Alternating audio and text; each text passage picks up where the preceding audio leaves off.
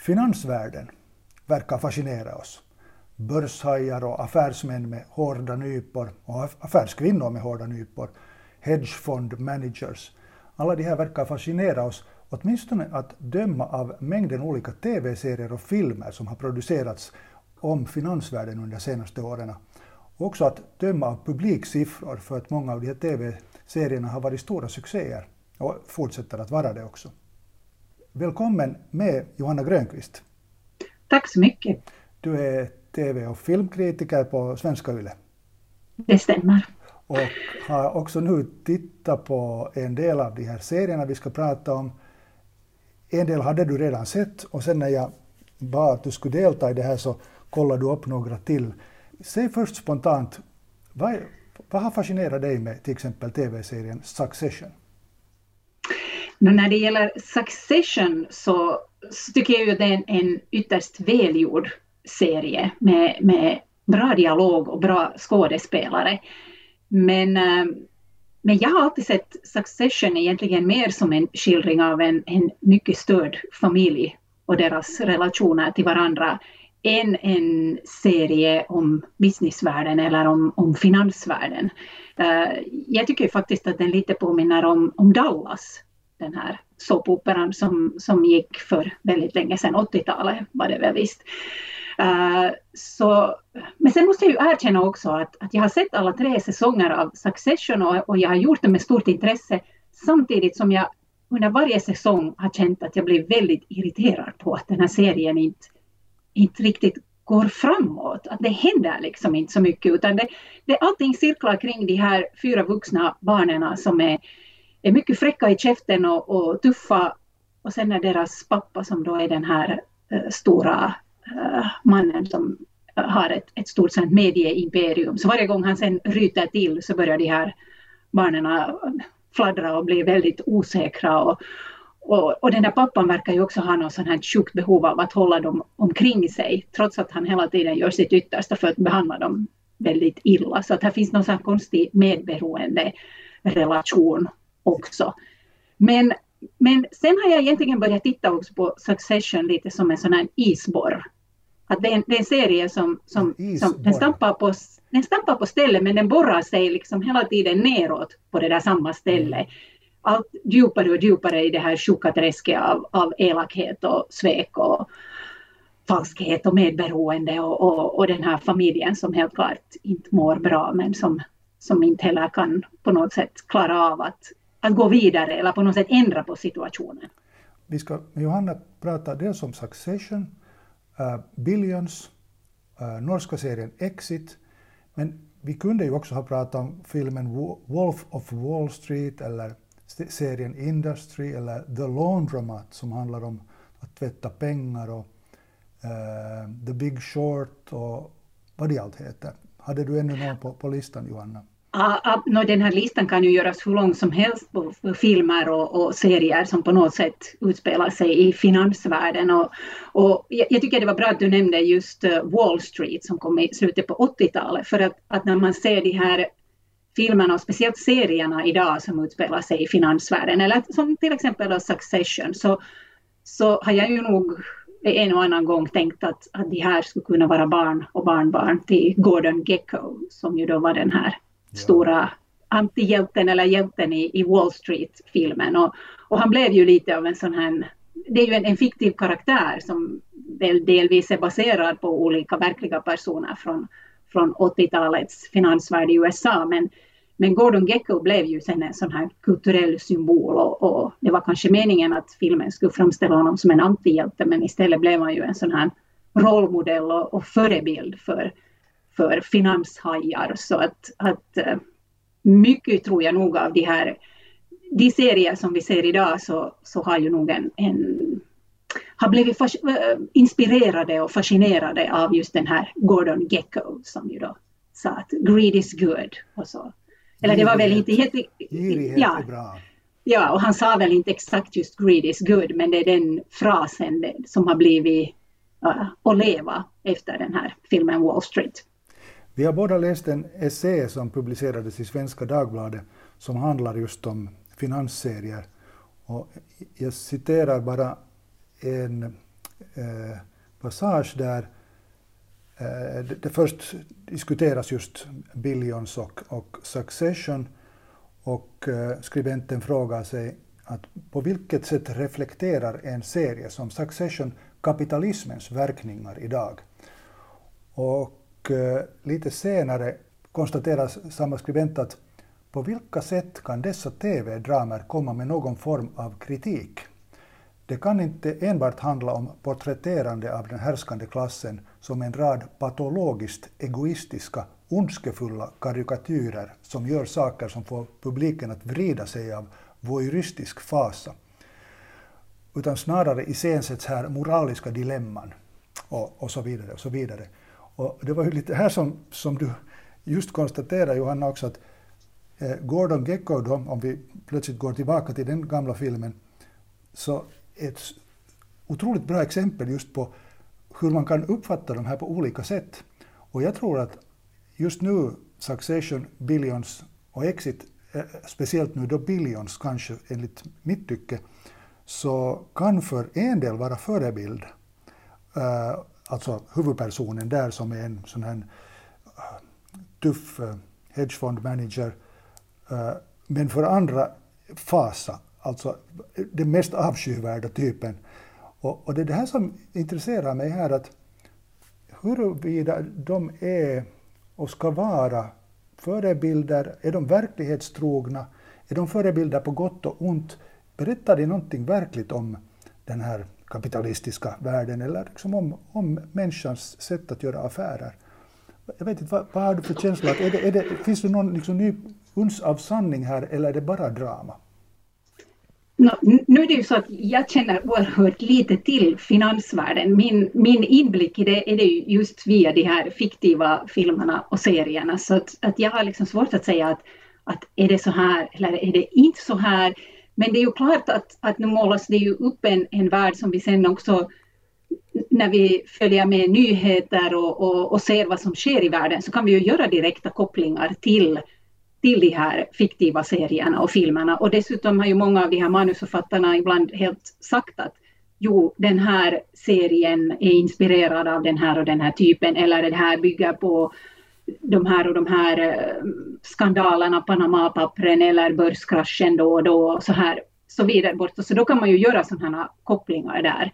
Men ehm, när, när du till exempel nämnde den där Billions så tror jag ju att det är ett, ett smart drag att bygga upp den här huvudpersonen Axelrod som en, en person som är både god och ond. Alltså att han är en miljardär som också gör goda gärningar. Uh, han är oerhört girig men han är också generös. Att det, det goda och det onda existerar liksom sida vid sida. Och att det hela tiden ju är frågan om det att vi rör oss på en sån här gråskala. Och då, då tror jag ju att, att att just vad gäller Billions och många andra serier, som, det som gör dem fascinerade är det att det inte finns liksom sen heller någonting... Vi, vi, vi måste själva som åskådare avgöra att vad, vad är det, hurdana är de här typerna egentligen? Eh, och, kanske man sen själv ju också kan fundera på att, att skulle jag också bli sån där om jag skulle ha en massa pengar? För att jag menar, pengar är makt och det, det, är alltid fascinerande att göra drama på dem som, som har makt eh, och vad de gör med den där makten. Eller om de plötsligt förlorar den. Eh, ja. ja, när det gäller frågan om hur verklighetstrogna de här karaktärerna och personerna i, i de här serierna är så tänkte jag bara säga att, att du som lyssnar just nu, du lyssnar ju faktiskt på en ekonomipodd, Svenska Yles ekonomipodd som heter I pengarnas värld även om vi här talar om filmer tillsammans med TV och filmkritiker Johanna Grönqvist. Och jag i mitt jobb träffar ju på eh, regelbunden basis människor i finansvärlden. Och det är ju självklart att största delen, eh, jag kan väl nästan säga alla som jag känner, är hyggliga, hederliga. Men det finns en egenskap som, som jag kanske känner igen från Bobby Axelrod och det är ju det att han är extremt tävlingslysten. Han vill aldrig förlora en match. Det må vara vad som helst och han är färdig att gå hur långt som helst. Och egentligen gäller ju detsamma också huvudpersonen eh, i Succession. Och också de här, vi har inte ännu talat om de här norska Exit-killarna, de vill ju liksom vara vinnare. Och, och de vill aldrig vara förlorare. Och en sån egenskap så behövs antagligen i den, i den världen. Sen finns det ju naturligtvis väldigt mycket gråschatteringar här. Jag menar, alla behöver inte göra stora affärer utan vissa kanske analyserar en aktie och ger informationen vidare till någon annan och så vidare. Det finns ju många olika slags uppdrag inom finansvärlden men, men någon slags sån där killer instinct kanske man ska ha om man gör affärer. Ja, helt klart. Och, och, nu är det ju den bilden man också får när man ser de här fiktiva serierna och filmerna, att det, det är väldigt hårt. Jag menar att, att visar du en svaghet eller är du svag i fel ögonblick så är du direkt ute och då är det, då är det liksom kört för dig. Utan du ska hela tiden prestera på topp. Samtidigt är det ju så att, att när de i de här filmerna, åtminstone ibland, gör affärer Eh, där de liksom krossar sin motståndare så det är kanske inte så smart drag om du tänker fortsätta göra affärer. åtminstone inte i lilla Finland. Men eh, det finns en annan eh, omständighet som jag tycker är intressant och det är det att finansvärlden fascinerar oss idag också i verkligheten. Till exempel så att antalet placerare ökar kraftigt i Finland just nu och också på annat håll i världen. Eh, vi har ett eh, rekordantal Eh, unga människor, men också äldre, som placerar pengar på börsen. Och vi vet också att i USA samlas miljoner unga män på sociala medier, bland annat på Reddit, för att utbyta erfarenheter om placeringar och ge varandra börstips och också till och med på sätt och vis manipulera aktiekurser och, och som satsar familjens pengar på, på, på, på, det här. Sen när allt rasar igen, vilket det alltid gör med jämna mellanrum, så får vi se vad, vad som återstår. Men garanterat ger det också bra stoff för kommande serier och filmer.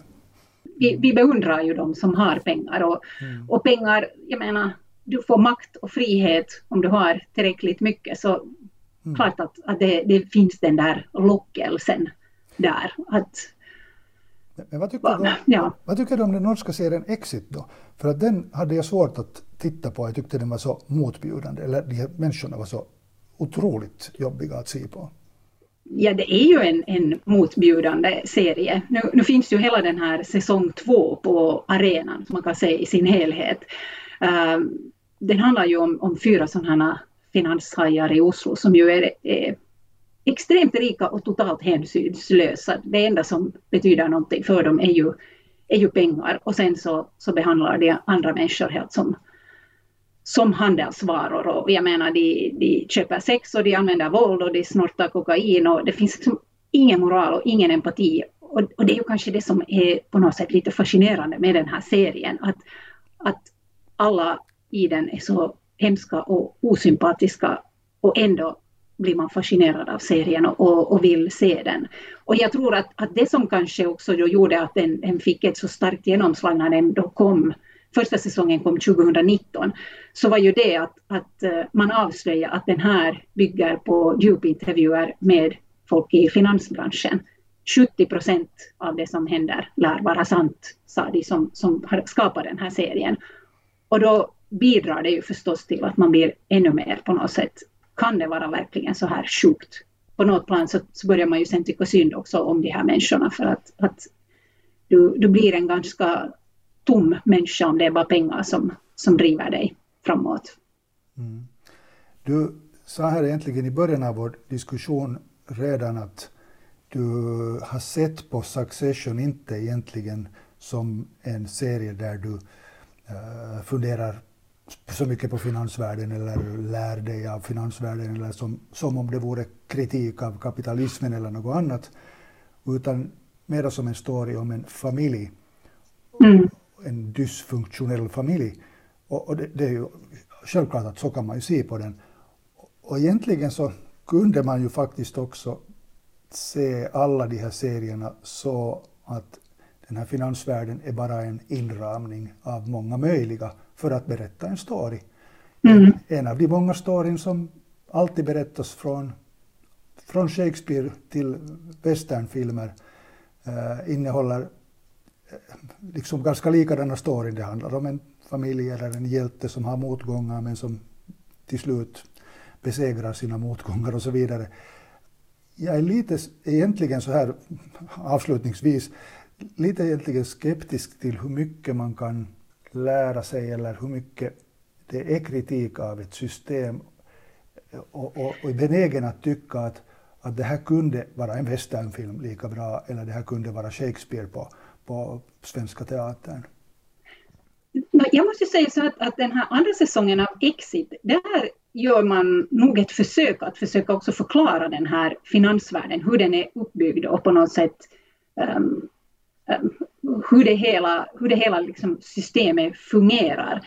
Men i, i många andra filmer så får jag ofta den här känslan av att när de pratar finanser eller när de pratar business så är det bara någon slags sån här strössel som man strör in i, i dialogen för att nu ska man förstå att nu pratar de jobb. Precis. Men det är sällan så att jag förstår någonting av det eftersom jag inte har en eh, eftersom jag inte kan eh, finansvärlden så förstår jag inte alla de här termerna som de slänger omkring sig och då uppfattar jag det just bara som någon strössel som för att nu ska vi förstå att, att nu är det business talk. De här människorna jobbar också ibland, de, de bara inte, det är inte bara grälande eller festande som de, som de sysslar med. Så att, Eh, jag skulle gärna kanske just mera få en inblick i att vad är det egentligen som händer i den där eh, världen? Hur fungerar det här? Och, och, där tycker jag just då att den här andra säsongen av Exit åtminstone gör ett försök att, att förklara det. Sen kan det ju hända då att, att för de som är insatta i finansvärlden så blir det bara tråkigt för att det här är ju, det här vet de redan. Men det, det är ju bra att du säger, för då, då ska jag ta itu med, med andra säsongen av Exit, som du sa dessutom att finns på arenan nu för den har jag inte sett för att jag som sagt tyckte så illa om dem att jag inte klarade av den. Man får ta den i små portioner och alltid hålla en paus lite emellanåt. Men har du till exempel sett Enron, The Smartest Guys in the Room? Uh, nej, den här dokumentären. Just det, för, för, det var precis vad jag tänkte säga, att sen finns det ju en hel rad dokumentärer, till exempel mm. också The Big Short, som ju de facto förklarar, att, där, där tar, jag, tar jag tillbaka vad jag just sa, att, att det finns ju sen å andra sidan sådana sådana filmer som, som uttryckligen förklarar vad som händer och på ett otroligt eh, begripligt och, och spännande sätt.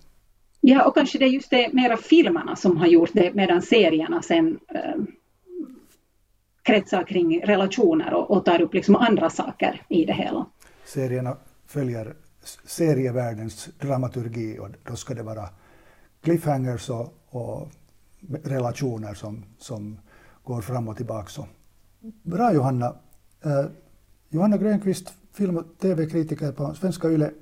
Tack för att du var med och, och diskuterade finansvärlden den här gången. Tack för att jag fick vara med.